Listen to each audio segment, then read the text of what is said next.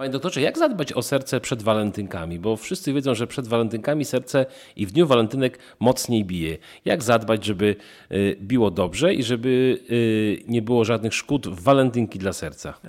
My musimy dbać o serce cały rok, a nie tylko przed walentynkami, bo jeżeli pan chce być w formie na walentynki, to musimy zacząć od 1 stycznia aż do ostatniego dnia grudnia o nie dbać. Czyli eliminujemy czynniki ryzyka, nie palimy papierosów, nie nadużywamy alkoholu, nie przejadamy się, nie jemy niezdrowo, regularnie ćwiczymy, staramy się o aktywność fizyczną. Czy serce u zakochanych bije inaczej, mocniej, szybciej? Przyjemniej.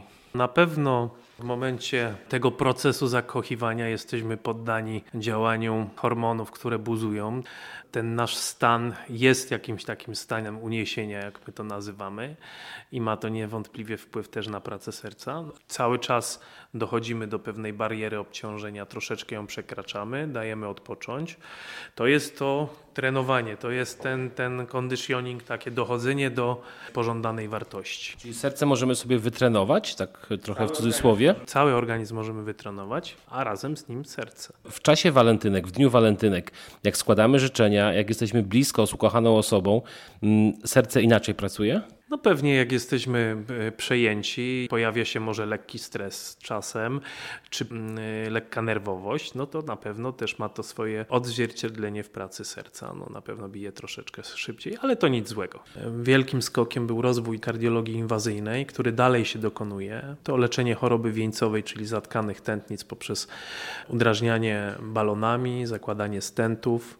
Wszystkie techniki kardiologii interwencyjnej, przeskórne leczenie zastawek serca, które ze sfery marzeń y, stały się dzisiaj standardem w wielu krajach świata. E, leczenie wad strukturalnych, tak jak mówię, zamykanie ubytków w sercu, co jest dzisiaj codziennością, że przez skórnie wprowadzając cewniki można leczyć przecieki w sercu. A o czym marzą kardiolodzy dzisiaj? O jakiej technice, którą można wprowadzić za kilka lat? Co się panu śni po nocach? Jak pan ma pacjenta, który wymaga właśnie już nie plastyki, ale czegoś e, poważniejszego? No na pewno niesamowity rozwój przed nami wszelkich metod wspomagania pracy serca. Mówimy tu o takim mechanicznym wspomaganiu serca jako pompy. Nad tym wiele ośrodków na świecie pracuje. Dla pacjentów, których serce jest mocno uszkodzone. Po zawale na przykład? Na przykład po zawale, na przykład po grypie, po infekcji, kiedy pacjent jest w dobrej kondycji fizycznej, ale kurczliwość jego serca jest bardzo słaba, to może dotknąć nawet młodego człowieka.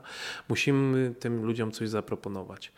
Pracowano nad sztucznymi sercami, sztucznymi komorami, sztucznymi pompami, które wspomagają pracę serca, a dzisiaj następuje, jak, jak wiadomo, miniaturyzacja wszelkich urządzeń, są nowe możliwości i wiele firm na świecie pracuje nad urządzeniami, które można wprowadzić i czasowo lub też średniookresowo lub długoterminowo wspomagać pracę serca. Jeżeli... Jest taki mini rozrusznik na przykład, czy coś innego?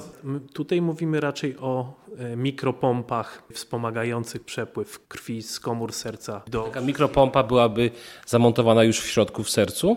Takie urządzenia już są i to w razie konieczności przezcewnikowo wprowadza się do, do komory i po, potrafi takie urządzenie wspomagać pracę serca. No tu mówimy o tych przypadkach, kiedy dla nas, lekarzy, są to mm, niezwykle trudne chwile i dla pacjentów, kiedy musimy pacjenta przeprowadzić przez ten najgorszy okres, mm, kiedy nie jest w stanie sobie sam poradzić.